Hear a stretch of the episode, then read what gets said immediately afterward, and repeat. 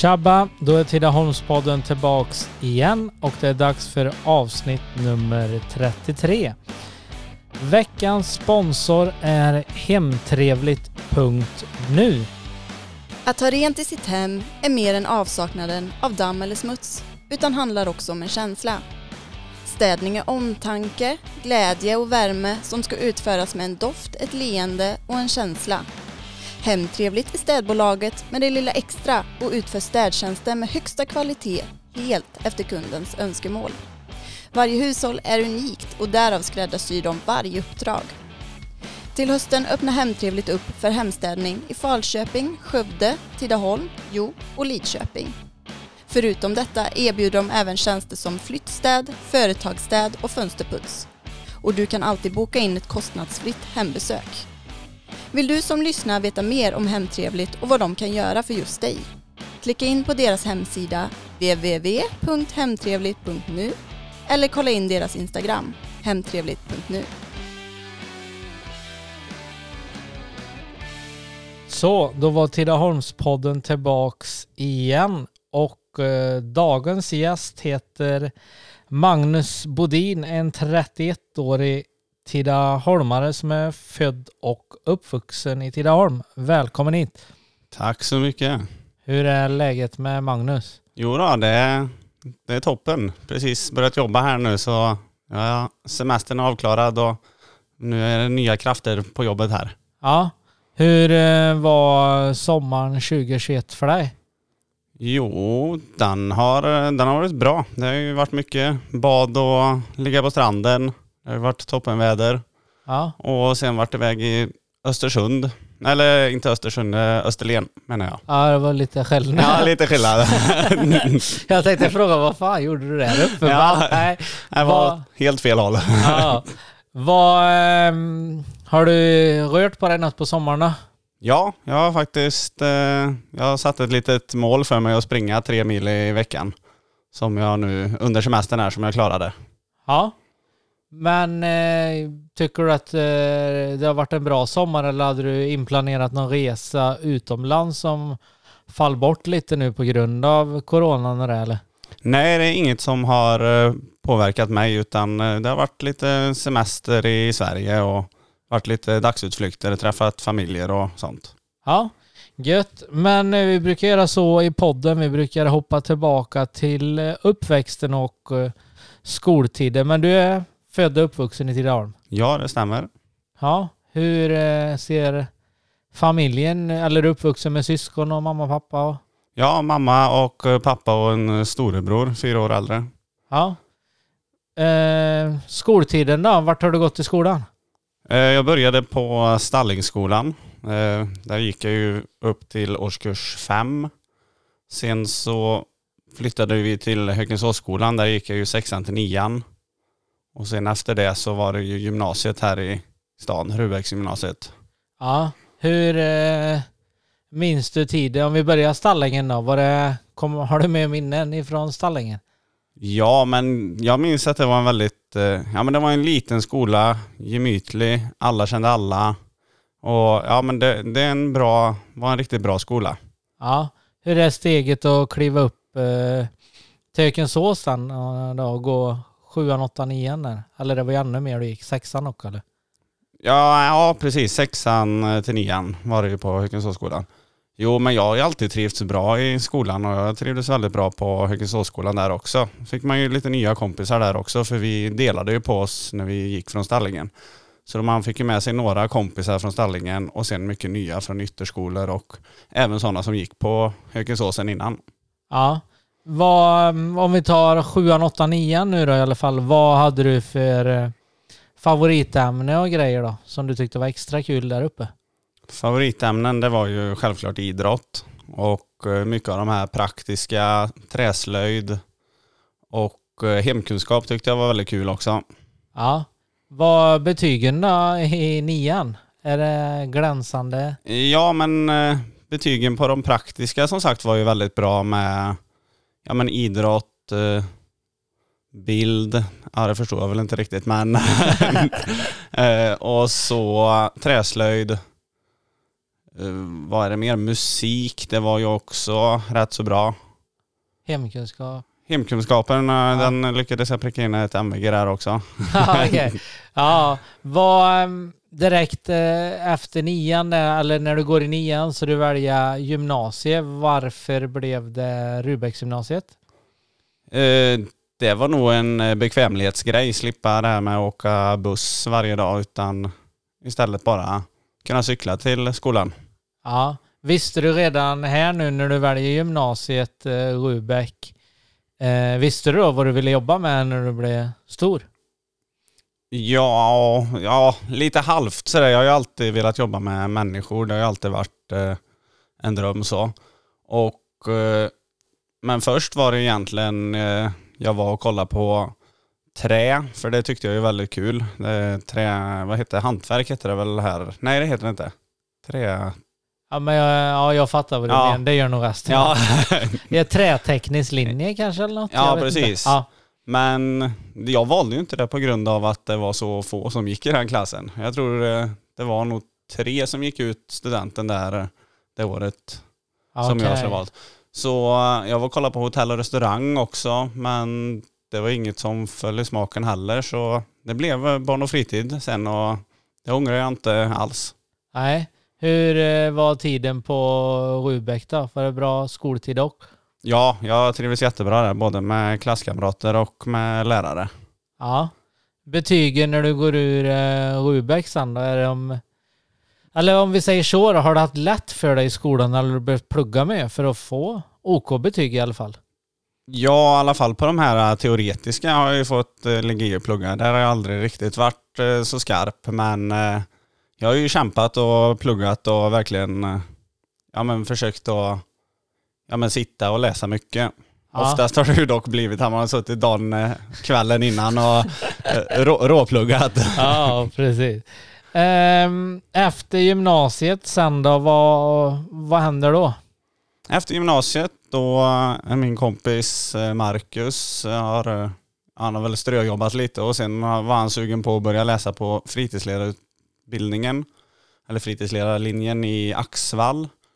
Och jag var väl inte jättesugen egentligen på att plugga vidare men det blev två år där och det var också en väldigt, eh, ja det är en folkhögskola som eh, som jag gick där och det var två riktigt bra år det också. Ja. Vad, minns du något speciellt från eh, tiden? Eller hur är det att plugga på folkhögskola liksom? Hur funkar det? Ja, den här linjen var ju mer eh, att man, man gör mycket av jobbet på, på plats. Alltså mycket grupparbeten var det ju den här fritidsledarutbildningen. Och enda arbetet som vi tog med oss hem, det var egentligen examensarbetet som vi gjorde sista året. Ja. Eh, Har det va- varit mycket praktik och grejer och var ni iväg på några resor och så, eh, studieresor eller jag vet inte? Ja, det, praktik var det ju båda åren. Då var det ju, skulle man ju välja något inom människor eller så då. Leda människor. Och det blir ju fritids för min del om jag inte minns helt fel. Och badet kan ha varit något år där också. Det, jag är inte helt säker men, Nej, ja, men något sånt. Och lite resor och sånt. Vi var ju i Finland och med några utbytesstudenter där. Som, eh, ja vi hade lite, ja, ja men fick lära oss om deras kultur och hur de jobbade. Det var en liknande linje som våran. Ja, okej. Ja. Vad, eh, om vi tar eh, sommarjobb, eh, Magnus då, har du haft eh, några sommarjobb genom åren? Ja, vad var första sommarjobbet? var nog vaktmästare på Tidavallen. Det var ju det här feriearbete som det kallas nu. Ja, när du går ur nian va? Ja. Mm. Och eh, sen efter det så har det varit en fem, sex år på eh, Swedish Match. ja. Eh, mamma som jobbar där och då har det blivit att eh, man har kommit in. Först var det också lite vaktmästarjobb där. Sen har det varit att stå i linjen, eller på linjen. ja. Vad- Sen...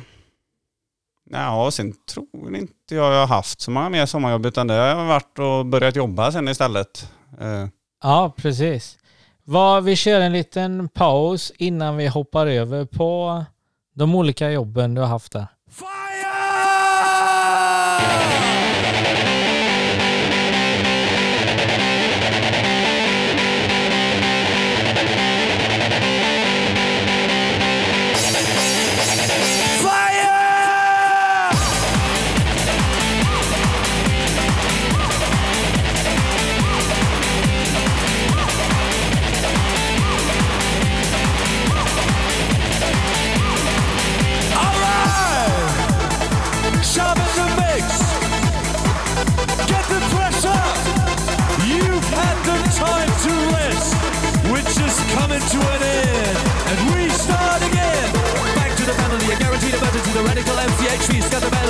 The family, a guaranteed emergency, the radical MCHV's got the melody. Back to the family, a guaranteed emergency, the radical MCHV's got the melody. Back to the family, a guaranteed emergency, the radical MCHV's got the melody. One, two, three, fire!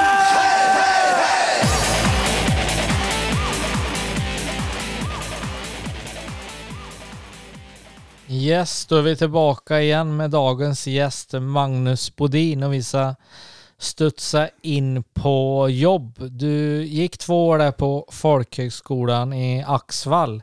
Vart tar du vägen sen? Ja, under den tiden som jag var på folkhögskolan där så jobbade jag ju samtidigt lite på både Kungsbroskolan när det var och även Forsen som lite timanställd. På fritids eller som lärare eller? Nej, då var det som fritids på Kungsbroskolan där. Ja. Mm. Vad, vad gör du sen då när du är klar på utbildningen? Eh, Då fortsätter jag och får eh, rätt så mycket mer tid på badet, Forsen. Och eh, ja, men jag jobbar nästan, ja, nästan mer än 100% på, ja, men på badet där fast som timanställd då. Ja. Hur, hur många år var du kvar i badhuset då? Oj, hur länge var jag där? Måste nästan tänka lite.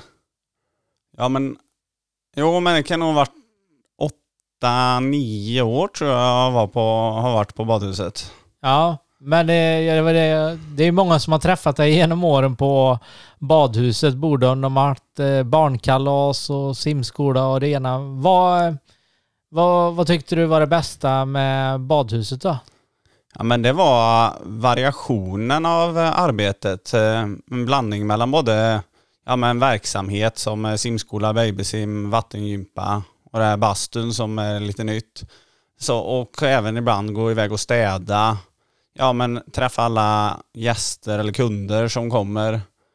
Och ja men, ja men det är ett riktigt härligt eh, jobb faktiskt. Ja. Vad eh, tror du att, det har ju inte med badhuset att göra, eller delvis, men tror du att Tidaholm någon gång i framtiden kommer kunna ha ett utebad?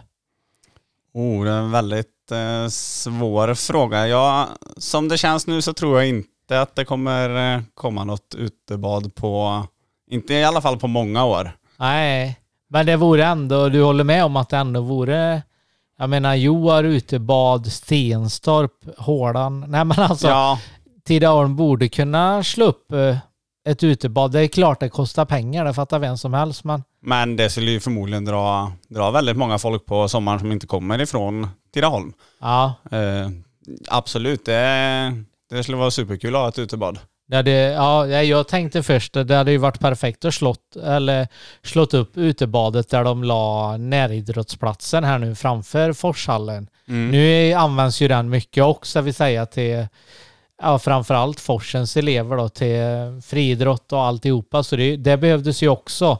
Men det hade varit bra att ha både inne och utebad på samma plats, kunna använda omklädningsrum och även samma personal. Och, sen kräver det ju, ja, Ja, det krävs ju ännu mer personal då, men det hade ju varit superkul att ha haft ett utebad också.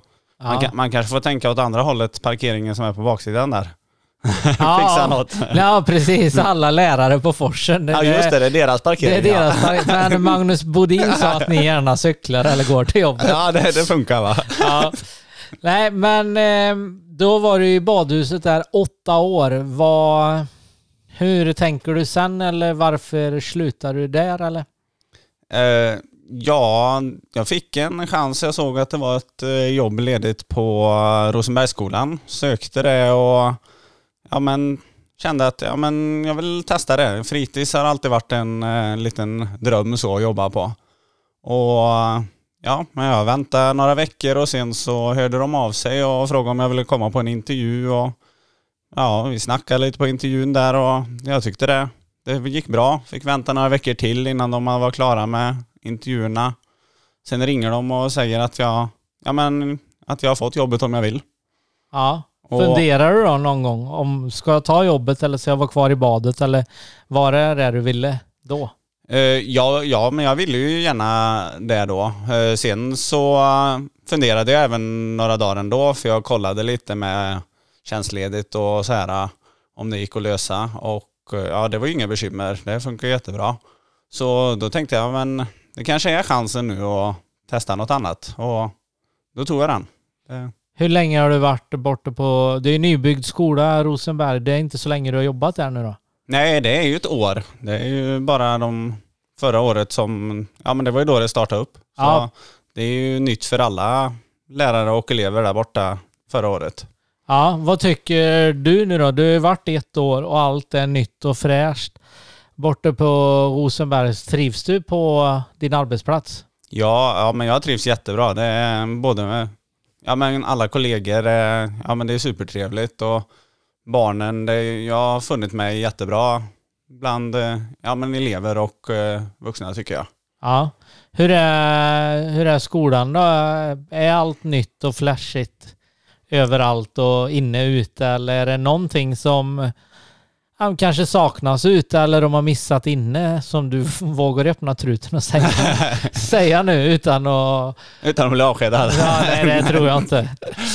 Nej men alltså jag, jag var ju beredd på att komma, jag jämförde ju med när jag var på Kungsbro, jag var ju beredd på att komma till skolan och det var fortfarande pappersform man satt och kryssade för barnen när de kommer liksom. Men när jag Ja. kom där och fick jag en padda i handen jag bara, vad ska jag göra med den? Nej men det, det är väldigt mycket nytt och modernt och de här nya overheadsen som vi hade som man körde in eh, stora Ja, maskiner. Här är det en liten, eh, ser ut som en liten lampa som man bara klickar på och så kan du lägga en bok under eller vad som helst så skickas det upp på tvn så alla kan se.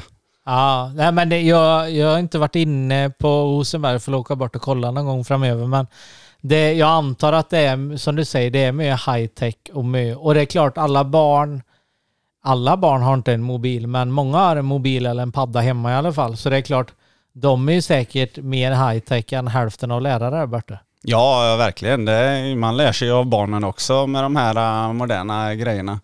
Om man till exempel har framme paddan och ja men hur ska jag göra här? Och man trycker, ja men du gör ju bara så här. Så klickar de lite snabbt och så, ja tack så mycket. Ja, och så har ni en eh, ny sporthall borta vid jobbet och ja, det stämmer. Rosenbergshall, vad heter den? Eh, Rosenbergshallen ja, den är Det ju... heter samma som ishallen alltså? Ishallen ja. Men jag tror väl att det ska bytas namn på ishallen. Vad jag har förstått det som. Ja, ja, ja, det byts namn på lite allt möjligt i stan. Det Ja, är precis. tydligen gratis att byta namn på skolor och allt möjligt. Men, Ja, precis. ja. Nej, men ehm, är den eh, fräsch och ni använder ni den mycket på fritidsverksamheten eller? Ja, men eh, det gör vi. vi på fritids används den ju en eh, hel del. Vi är ju, det är ju fyra avdelningar eh, på fritids. Det är ju tre stycken F till två och sen är det de äldre barnen som är en klubben. Ja, precis. Och vi har ju olika dagar som vi får utnyttja den och ja men på eftermiddagen och vara där och köra bolllekar eller andra lekar som, Ja. som barnen fått vara med och bestämma. Ja. Om du då som eh, fritidsledare heter det du är va? Mm. Om du då tar med ett gäng barn till hallen och du är ansvarig för aktiviteten, vad väljer Magnus då att köra för aktivitet med barnen? Om vi Ja. säger att det är de små nu då, inte klubben utan... Nej men jag, jag är ju med de små mest Ah, okej, så ja. det är ju, jag har ju barn som är ja, förskoleklass till årskurs två. Ja, Ja men det är väl, det är väl mycket lekar och kanske lite hinderbanor och sånt här som passar alla och som ja, men slukar många så det inte blir eh, mycket stillastående utan alla är med hela tiden och får röra sig. ja. När du själv gick eh, på frit... Har du gått på fritids? Ja, ja. Ja. Mm. Vad, vad tyckte du var bäst eh, på fritids som du minns då från din skoltid?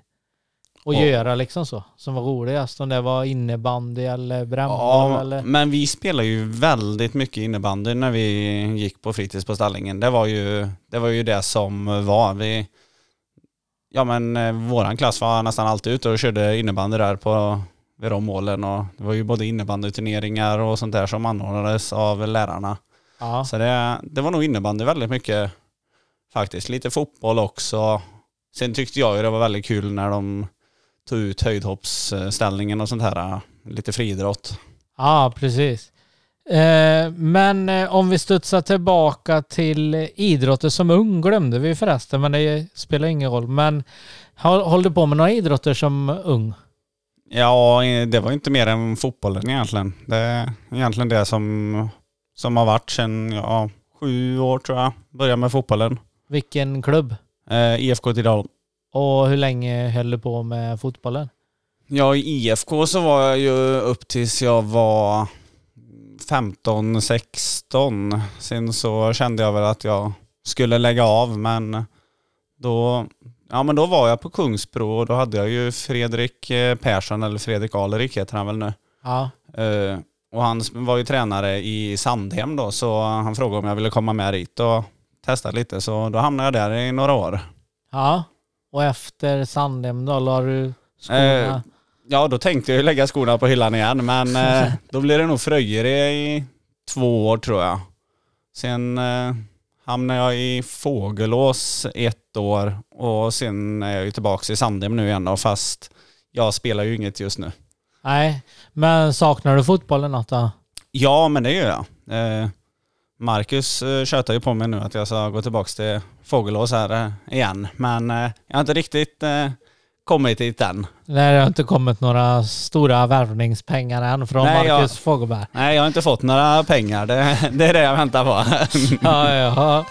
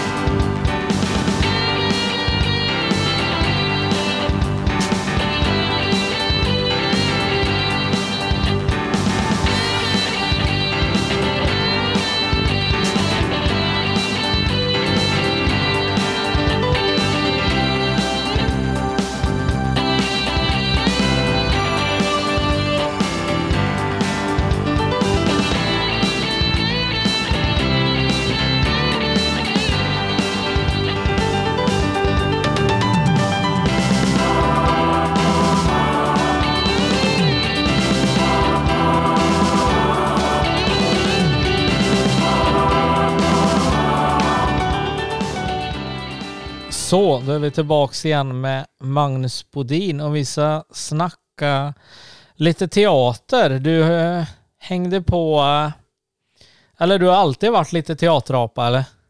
Ja, det frågar man kompisar kanske jag alltid har varit lite teaterapa så, men eh, hur blev det att jag startade med teater? Det, ja, men det var nog en kompis där också som eh, umgicks med och vi spelade in, äh, spelade in lite. Ja.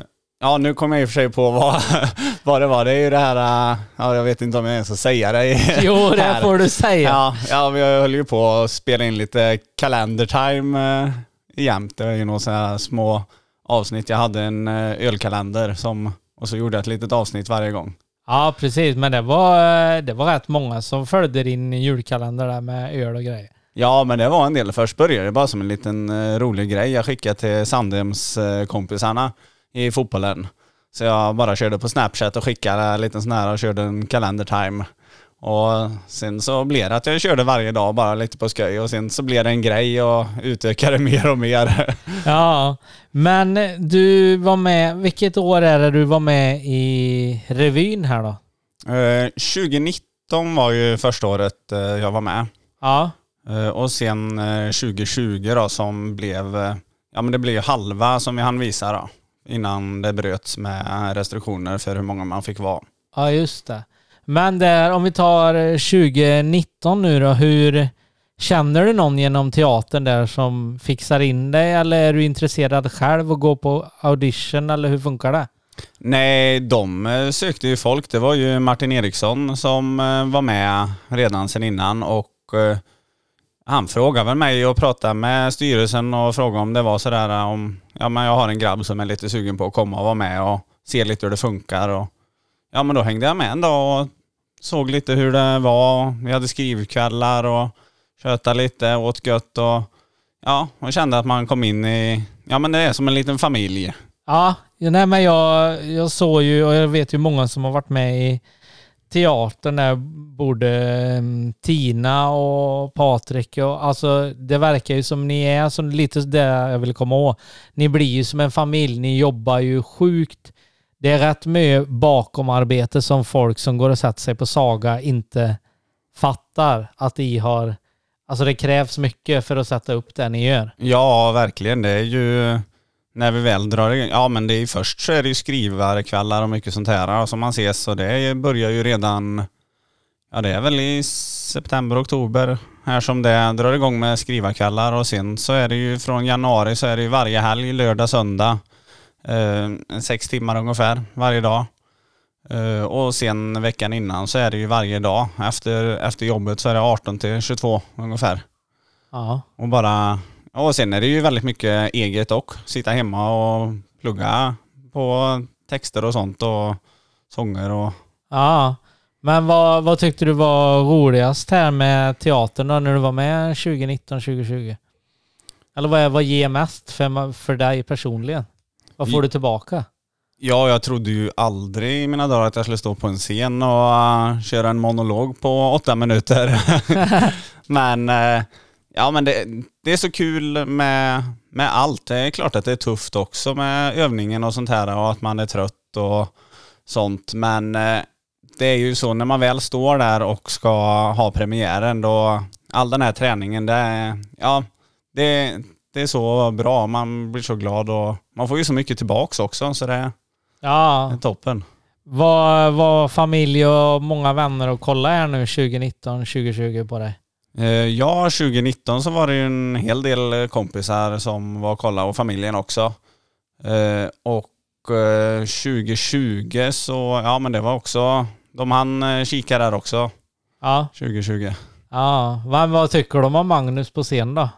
Jo men de, eh, de tycker jag skött, att jag har skött mig bra. Det, ja men det har varit eh, superkul och de har tyckt att, eh, ja men du gjorde ju det här superbra. Ja. Ja. 2019 där, var det då ni vann något pris och? Med teatern? Ja, vi gick ju till eh, SM. Då var vi i Östersund. Då var du i Ja, Östersund, då du har varit där Ja, jag har varit där i alla fall. Ja, men det var bra. Och då, eh, då var det ju ett nummer som vi gick vidare med där som vi fick eh, komma till. Ja, vi kom ju till final då. Först var det ju semifinal och så gick vi till final. Men där var det ju ett annat nummer som vann finalen då. Så vi var väl femma i alla fall eh, bäst i Sverige. För de sa bara ettan och sa inte de andra fem. Nej, okej. Nej. Precis. Men, om jag skulle gissa så skulle vi kom vi nog tvåa. Ja, det, det tror jag också. Absolut. Men när ni åker upp till Östersund där då, Magnus, ehm, får ni spela upp det då? Är det en jury och grejer? Eller ser de bara gamla filmklipp? Nej, nej, det är ju... Det är ju- live. Ja, det är live. Ja, så det är ju, det är ju som en revy som man kan komma och kolla på också. Om man... Ja, men antingen om man bor där, man köper biljetter eller om man åker utifrån så kunde man komma. Det är ju som revy-SM då. så Okej, det, så ja. det är ju ett nummer med... Ja, men det är ju dans och sång och sketch och monolog. Och nu har jag säkert missat något, men det var ju flera olika genrer så det är ju som en hel revy så. Ja.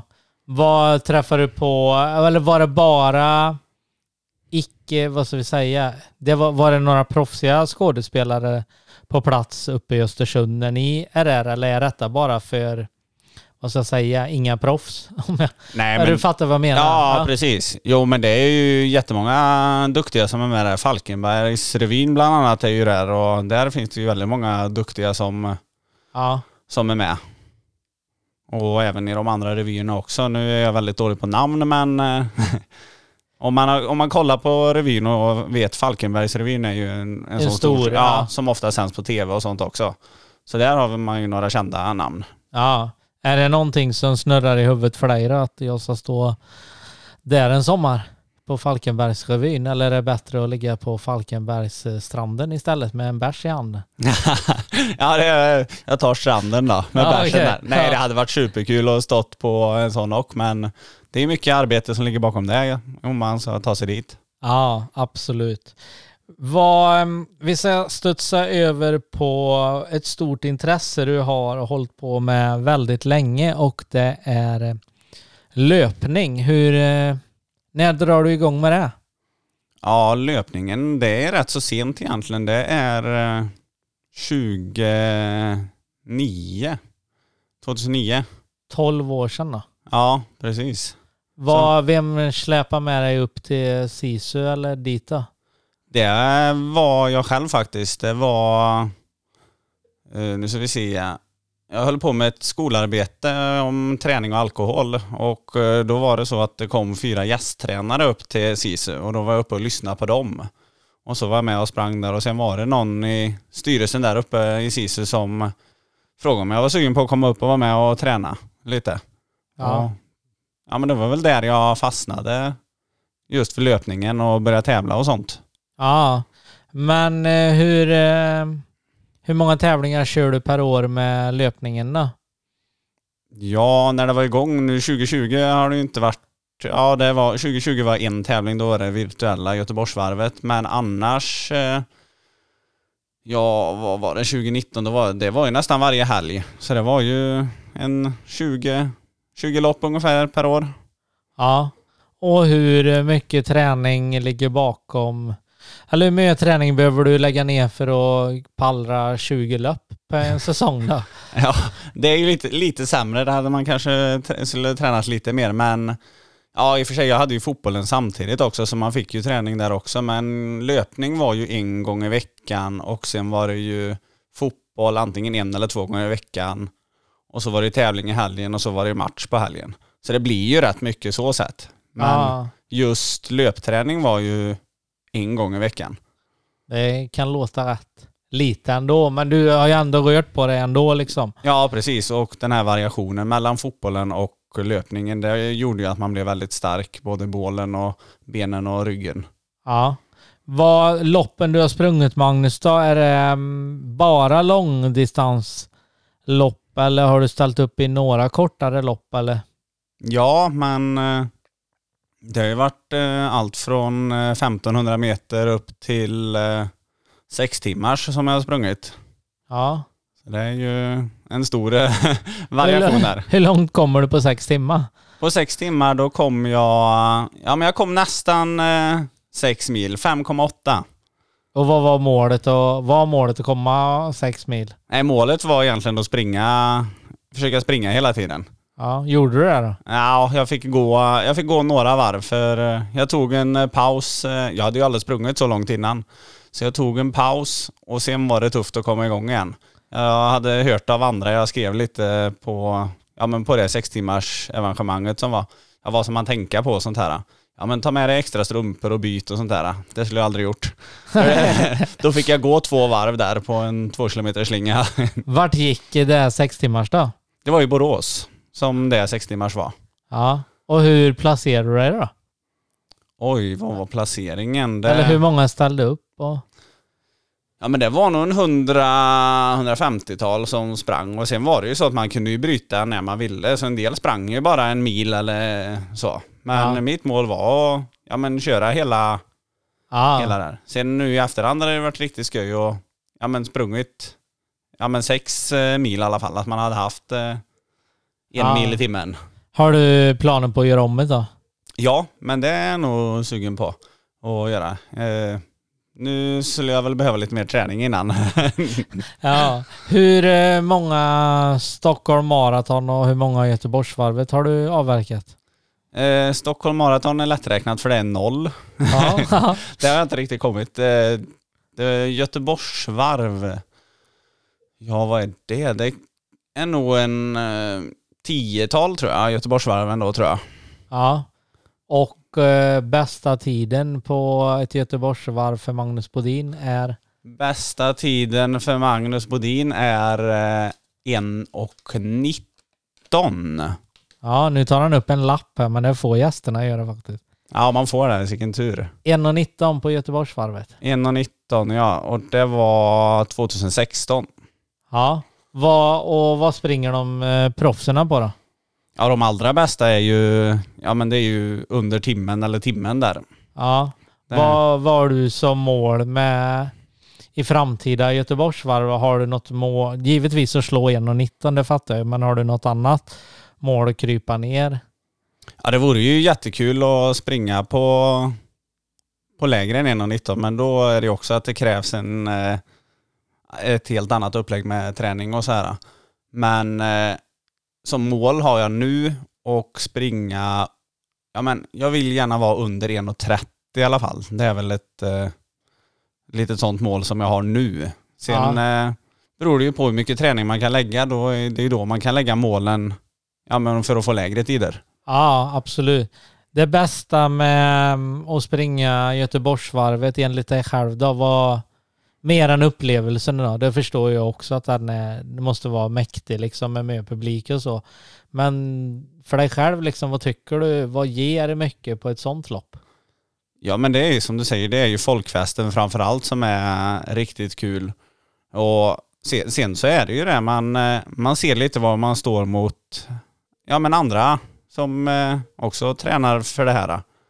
Och om man klarar att hänga på vissa som man ser är väldigt duktiga och som eh, ja, men springer på. Man har ju alltid någon att springa med.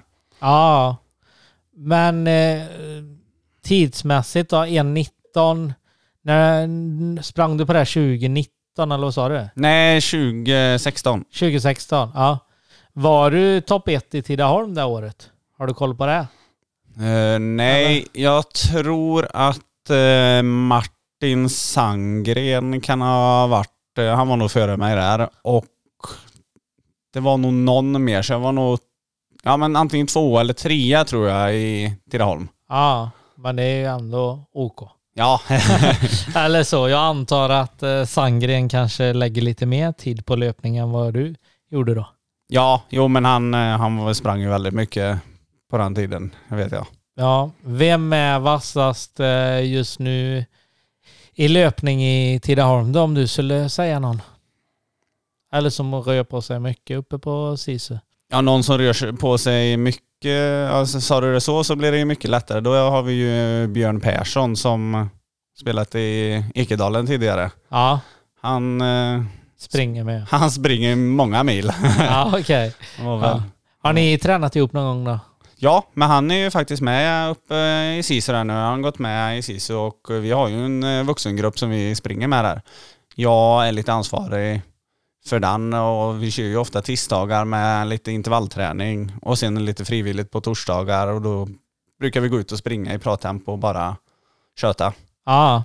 ah, för att locka folk eh, upp till eh, Sisu och till klubben och ja, om vi tar bara löpningen nu då, inte längd eller så då. Hur, hur lätt är det för er på Sisu att locka nya medlemmar och så?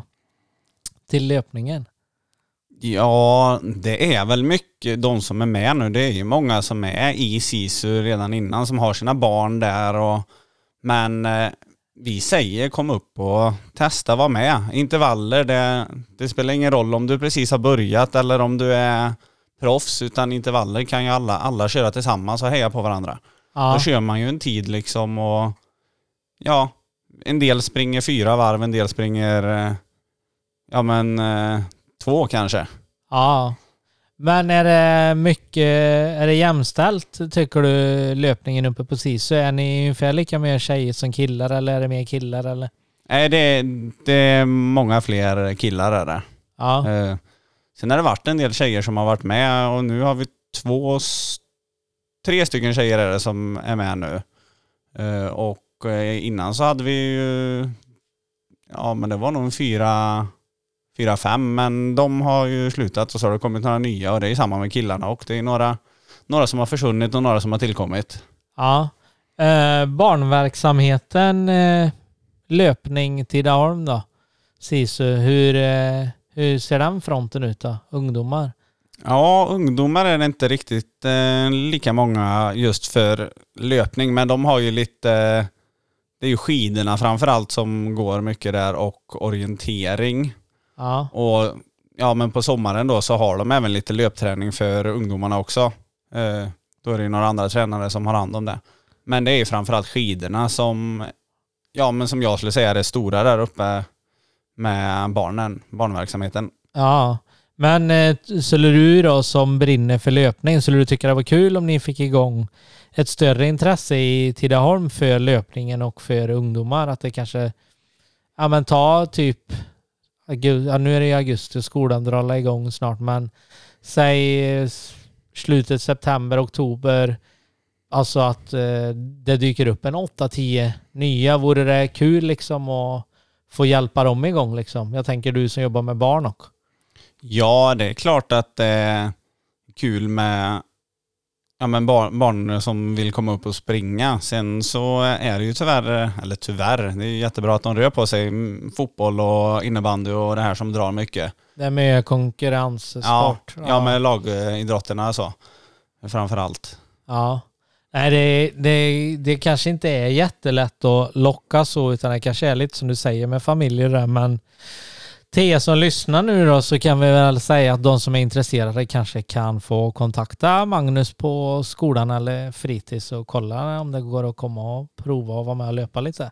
Ja, men självklart. Jag har ju många bra tränare där uppe som, ja, men som jättegärna kommer upp och hjälper till och tar emot. Ja. Eh, för dig själv Magnus, då har du haft eh, några förebilder både inom SISU eller löpningen där uppe eller kändisar på tv som du har följt och sett upp till genom åren inom löpning? Uh, ja, alltså inte direkt utan det har ju... Alltså jag har alltid varit sån där att jag tycker det är kul att utöva idrotter och sånt och sen uh, är det klart att Eh, hon eh, Malin Evelöv eh, Krapp är ju väldigt duktig som man har, som är löperska som sprungit mycket. Nu är hon ju inte så aktiv längre men... Nej men det är ju förmodligen Sveriges bästa damlöperska. Ja. ja som vi ju... kommer ihåg. Ja, ja precis. det kanske finns någon som inte lever längre eller som är väldigt gammal som vi missar nu men... Ja. Nej men hon var ju grym. Mm. Har du varit på föreläsning med henne någon gång? Ja, hon var ju en av de som var på föreläsningen där 2009 eh, som eh, lyssnade på. Det var ja, men supertrevligt. Då var vi ju faktiskt här ute på eh, spontanidrottsplatsen vid Forsen. Ja, okej. Okay. Ja. Kom hon med några bra tips som du snappade upp då? Ja, men det var ju mycket och ja, men istället för att gå upp och springa allt vad man har, spring på en tid istället för att springa en sträcka. För ena dagen kanske du klarar eh, 6 kilometer för att du är pigg. Och andra dagen kanske du klarar 4 och du är trött. Men springer du på en tid, då kan det ju bli att du antingen springer 4 eller 6, men har du gått upp och bestämt dig att jag ska springa 5 idag. Ja, då springer du 5, men du kanske är superpigg och orkar mer. Eller så kanske du är jättetrött och egentligen inte orkar 5, men då tar du det ändå. Ja, ja, precis. Men eh, om vi ska ta mm, dina tre bästa tips nu då till de som lyssnar som tycker löpning är dötråkigt. Men de behöver röra på sig då. Vad, vad är nummer ett, skulle du säga? Ja men det är, skriv in i kalendern. Alltså idag ska jag... Jogga och, eller? Ja, idag ska jag gå ut och jogga eller så. Och alltså var inte rädd för att gå. Alltså spring en kilometer, gå en kilometer, spring en kilometer. Så att du jobbar upp dig. Det, ja. Så att man inte känner att det är ett misslyckande att ja, men jag gick ju på min joggingrunda. Utan det är mer att ja, men det största felet många gör är att gå upp och springer femman, allt vad de har, en, två, tre, fyra gånger. Sen tycker de inte det är kul längre. Nej, sen blir det pizza fem gånger. Ja. Nej, men det är bra. Ja. Eh, till de som är lite vassare nu då. Eh, om du drar ett tips för dem då. Som har, ja men typ, eh, säg att de eh, rör på sig tre dagar i veckan och vill utmana sig lite mer då. Vad har du för tips till dem? Ja, men det är ju att ha en varierad träning framför allt och ja, men köra några, ja, men några eh, rejäla hårda intervallpass. Sen något, eh, ja men, ja men sen ett, eh, vad ska man säga, millopp ungefär i, ja men i tävlingstempo, alltså så du pressar dig så att du, ja men jag kan inte springa hårdare än det här men jag har ändå, ja men lite kraft så att jag klarar hela ja. i det här tempot. Och Ja men det här spring, spring eh, även något långt och i ett lägre prattempo som jag brukar säga. Ja. Och så sista tipset då du får ge det till de som Ja men de, de som vill utmana sig rejält då, som tycker att jag vill ha en utmaning. Vad, Vilket lopp skulle du rekommendera att anmäla sig till då? De Om- som löper lite mer men ändå inte är proffs? Eller ja, Då, superduktiga. ja, om man vill utmana sig rejält då är det ju antingen är det ju sånt här traillopp som bara är i skogen och som ja, det är uppför och nerför och ja, ja precis och rötter här och där. Det är ju sådana riktiga, ja men det kan vara riktiga grislopp eller vad man ska säga. Ja. Som, eh, Har du Ja. gjort något sånt? ja jag har sprungit Tivedens eh, traillopp, då tror jag jag sprang, ja men jag sprang 21 kilometer då och då var det ju fyra varv eller något sånt här. Hur jobbigt var det då på skala 1 till 10? Ja det var sjukt jobbigt. Men det, det är samtidigt så jäkla kul och eh, Ja. Det som var jobbiga var att eh, efter första varvet så ramlade jag ju på en sten och slog i knät så att jag fick ju hur ont som helst men jag bet ihop och körde vidare. Ja, det fanns inte någon tanke på att ge upp där inte. Nej, nej verkligen inte. Utan det var bara att köra igång igen. Som min mamma sa, det är du och jag här i livet. Hitta dig på ett flak, jag blev alldeles spak,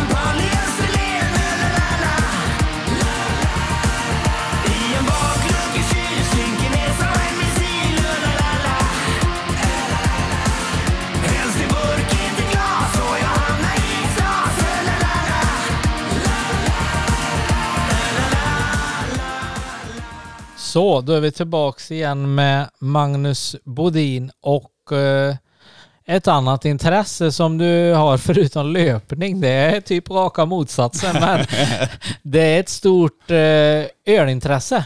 Ja, det stämmer. Hur eh, kom eh, öl in i bilden? Nej, Nej men det är alltså mycket av de här nya spännande ölen, det, ja men det är allt från IPA ale och suröl och stout, det är ju väldigt spännande tycker jag. ja. Men när började du med, när växte intresset fram liksom istället för bara ja, men dricka vanlig Tuborg Falcon eller var du redan som ung att du ville testa olika sorter eller var är det farsan som har lärt dig eller vem är det som har knuffat in dig? Ja, jag vet inte. Det är nog bara att man, eh, ja, man har varit lite nyfiken tror jag. Eh, det är ju, ja men i början var det ju som du säger, det var ju de här Falcon och Tuborg och Småland och allt vad de heter. Ja, Eh, sen var det väl att man testade några öl då också, men då var det inte alls det intresset för det. Då tyckte jag till och med att det inte var gott att dricka något annat än ljuslager. nej. Men, ja, men kan det vara en eh, ja, men fem år sedan kanske som det började växa in lite med lite olika spännande öl och testa. Ja, känns det lite i kompisgänget och de du hänger och umgås med att eh, jag kan ju tycka att lyssnar man på folk nu så är det ju lite som du säger, det är IPA, det är suröl, det är det ena med det andra. Men kan du känna att intresset rakt överlag för öl har växt de här, alltså backa tio år var det inte så många som testade något annat liksom. Det var ljus eller mörk öl. Ja, precis. Ja. Nej, men det kan jag nog hålla med om att det, det märks att det är fler som eh, ja, men testar mycket nytt och ja, men eh, det finns ju hur mycket öl som helst egentligen att testa. Och jag har en hel del kompisar som vi kan bara träffas och sitta och dela på olika öl och ja, men sitta och prata lite om dem och vad vi tycker och vad, vad de smakar. Ja. Vad, men du har i telefonen, har du någon app eller något eller? Ja, det är en, det är en liten ölapp som, eh, som man kan checka in eh, ja, men de nya ölen man dricker och lite vad man tycker. Och där har man ju också lite ja, men andra kompisar som också ser vad jag tycker om mina öl och jag kan se vad de har druckit och fråga lite vad de tyckte om den. Och, Men hur många öl har du avverkat i den där appen då? I den där appen har jag avverkat en, eh, ja men 1300 ungefär, olika. Ja, och det är 365 dagar på ett år. Ja. Jag skojar bara. Men vad, mm, har du något mål där då med 2021? Att du ska upp i 1400 öl eller något så? Sätter du upp mål där också? nej, nej, där, där sätter jag inga mål utan det, det blir att man, eh, det är ju lite sådana olika släpp på Systembolaget ibland och då går man in och kikar där och kollar lite vilka öl som verkar spännande och gör en liten beställning. Ofta brukar det bli lite för många. Ja, och sen alltid när man är ute på restauranger då brukar jag alltid kolla om det finns någon öl man inte har druckit för att testa och se vad man tycker. ja. Ja men det är klart det ska ju också ha den appen då och se att den här har inte avbockat innan. Då testar vi Ja, den liksom. Sen kan jag gissa att allt du testar kanske inte faller dig i smaken heller. nej så är det ju verkligen. En del, eh, ja en del, eh, jag brukar alltid säga att jag ska alltid dricka upp ölen men det har hänt någon gång att man fått uh, tumma den. Ja okej då, ja, det är en dyr hobby. Ja precis. Ja. Men det är väldigt sällan. Det har varit någon, eh, jag vet jag drack en eh, på tapp i Jo, eh, Litovel tror jag den hette. Och det, ja det var- gick ju, vi fick ju plåga oss i det jag och min kompis när vi satt där. Han tyckte precis likadant. Och, men jag har samtidigt försökt leta efter den ölen igen om de säljer den men inte kunnat hitta den. Jag tänkte att det kanske var fel på tappen men Det kanske var KK på företaget. ja. Vem vet? Ehm, vad, om du inte dricker öl, då dricker du vin, grogg? Ja, det, whisky var det ett tag men eh, jag har väl kommit in lite mer på romspåret och testat lite, ja men lite lenare rom så. Sen whisky i så fall lite mer rökig gillar jag. Ja. Är det, har du gjort öl själv någon gång? Ja, men bara sån här enklare variant. Köpt en, eh, ja, men en färdig tunna och eh, ha- har haft färdiga tillsatser att hälla i. Bara värma på vatten och sen hälla kallt vatten i och sen låta det stå en vecka. Ja, hur blev det du gjorde då? Jo men den, eh, jag tyckte faktiskt den blev... Ja det första jag drack var inte så gött och smakade lite jäst men sen fick det stå till sig lite till och... Ja men jag tyckte det kom fram lite honungstoner och sånt så jag tyckte den var riktigt, riktigt gött. Ja, är det någonting du skulle kunna tänka dig med att jobba med i framtiden om du inte jobbar på fritids med barn? Är det något intresse att jobba med öl? Eh, Eller räcker det med att dricka dem? ja det räcker att dricka om fast då kanske man får smaka lite och det. Ja. Nej men det, just för tillfället så nej, det, det kanske är längre fram i så fall men just nu så trivs jag väldigt bra där jag är. Ja. Du och kompisgänget då, ni har aldrig varit iväg på ja, ölprovning kanske ni har varit på, men jag läste för ett tag sedan att det finns, jag tror det fanns i Tyskland, kanske finns i Sverige också, det var ölspa. Åka på spa och bara dricka bärs. Ja, det har jag ju kollat många gånger på och velat eh, dra iväg. Det har aldrig blivit av men eh, jag har några kompisar som jag tror eh, skulle vara lika sugen som jag på att dra iväg på något ölspa. Det finns ju till och med att du badar i öl tror jag. Ja, det var det. Ja, det har jag också sett, men det får vi se. Yes, vi kör en sista paus innan vi bränner av fem snabba med Magnus. Gå gärna in och följ Tidaholmspodden på Facebook och Instagram så kan ni läsa mer om kommande gäster, tävlingar plus mycket, mycket mera.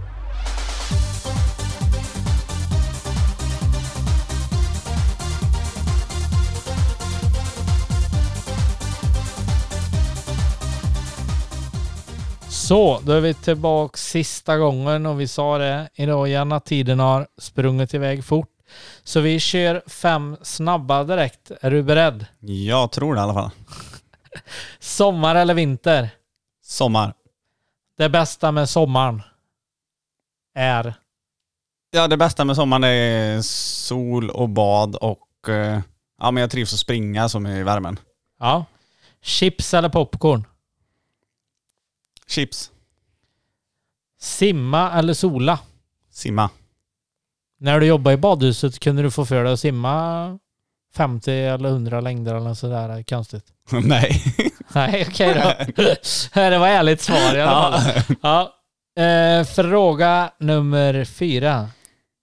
Du ställer upp i en tävling. Är det en ölhävartävling eller en korvätartävling? Ölhävartävling. Ja, har du gjort det någon gång? Ja, vinner alltid. Ja, okej. Ja, mäktigt. Sista då, det vet jag inte om det stämmer än, men jag var inne och snokade lite på din Facebook och jag såg att du gillar Arsenal eller, och IFK Göteborg. Om du skulle välja ett av de två lagen då? Då är det Göteborg. Ja, och det går så där för dem i fotbollen eller?